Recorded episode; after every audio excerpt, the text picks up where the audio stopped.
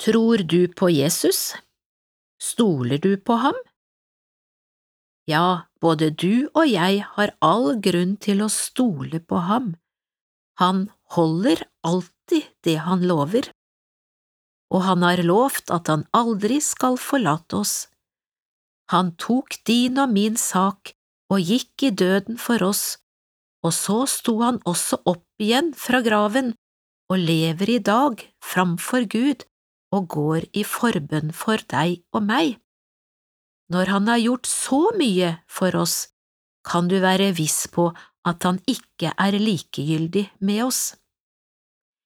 Jeg er den gode hyrde, sier Jesus, og den gode hyrde setter sitt liv til for fårene.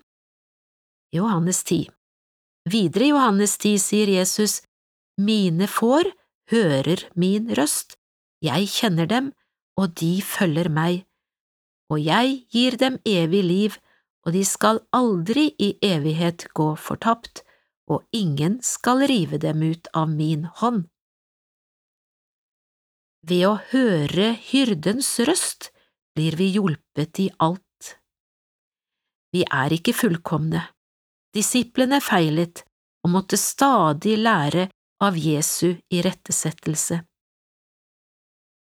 Ingen makt skal kunne skille oss fra Kristi kjærlighet, heller ikke skal noen få skille oss så lenge vi hører hyrdens røst, så lenge vi elsker ordet om Jesus og tar til oss av ordet. Da får vi kraft til både tro, kjærlighet og gudsfrykt. Det skjer så lenge vi lytter til Han som trofast følger oss og taler til våre hjerter. Romerne 8,1 sier at det er ingen fordømmelse for dem som er i Kristus Jesus. Og 1. Johannes 5 sier at Gud ikke forlanger noe som er større av oss enn at vi gir ham hans ære og holder ham for å være Gud å tro på Hans ord og løfter bringer ære til ham. Israelsfolket i ørkenen ville ofte gå sin egen vei og var lei av å stole på Gud. Hebreerne 3,19 sier at det var på grunn av vantro de ikke kunne komme inn til hvilen. Videre sier kapittel 4 La oss derfor ta oss i vare, så ikke noen av dere skal vise seg å være blitt liggende etter. For løftet om å komme inn til Hans hvile gjelder ennå.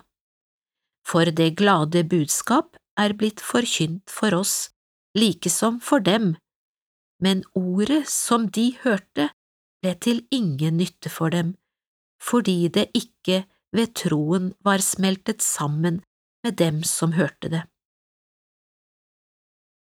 La oss da gjøre oss umak for å komme inn til denne hvilen, for at ikke noen skal falle etter samme eksempel på vantro.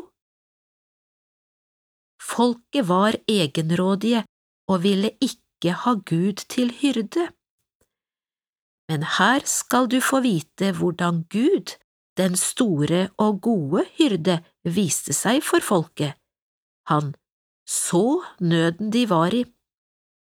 Han hadde hørt klageropet deres, og han visste hva de led, og så kom han for å utfri dem.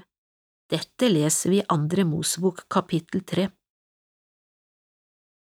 I dag kommer han slik til deg og meg også. Fårene ligger hyrden på hjertet, derfor steller han med dem. I dag sier han til deg, Jeg har så visst sett den nød du er i. Jeg har hørt ditt klagerop, og jeg vet at du lider. Nå kommer jeg til deg og vil fri deg ut. Hør mer om hva som preger det gode hyrdesinnet. Er du trøtt? Han lar deg ligge i grønne enger og leder deg til hvilens vann. Salme 23 Har du vanskeligheter? Han vil gå fram foran deg og jevne bakker, han vil sprenge dører av kobber, og bommer av jern vil han hogge i stykker. Jesaja 45 Er du redd? Han vokter sin jord, samler lammene i sin arm og bærer dem ved sin barm, han leder de får som har lam. Jesaja 40 Ser du på maktesløshet og minkende krefter? Hans trofasthet varer like inn i alderdommen, han fortsetter med å løfte, bære og redde deg. Jesaja 46 Slik er det å ha Jesus som hyrde. Han setter sitt liv til for oss, han kjenner sine, og de kjenner ham. De hører hans røst, og de følger ham. De skal aldri gå fortapt, og ingen skal rive dem ut av hans hånd. Det leser du i Johannes 10. Hvordan er det med deg og med meg? Det er vel Jesus som er din hyrde? Med Jesus som hyrde er du og jeg trygge. Og så kan vi la tanken gå litt videre, for hva slags hyrde er vi for dem vi er plassert iblant? I Jesus har vi vårt store eksempel. Er vi ledet av Jesus, så er vi også preget av Jesus. Herre, der ønsker vi å være, prega av deg, så du kan få gjøre din gjerning iblant oss og blant de vi går sammen med. Takk, Jesus. Amen.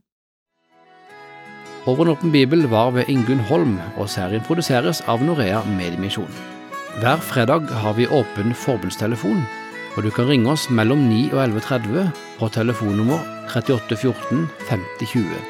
3814 5020.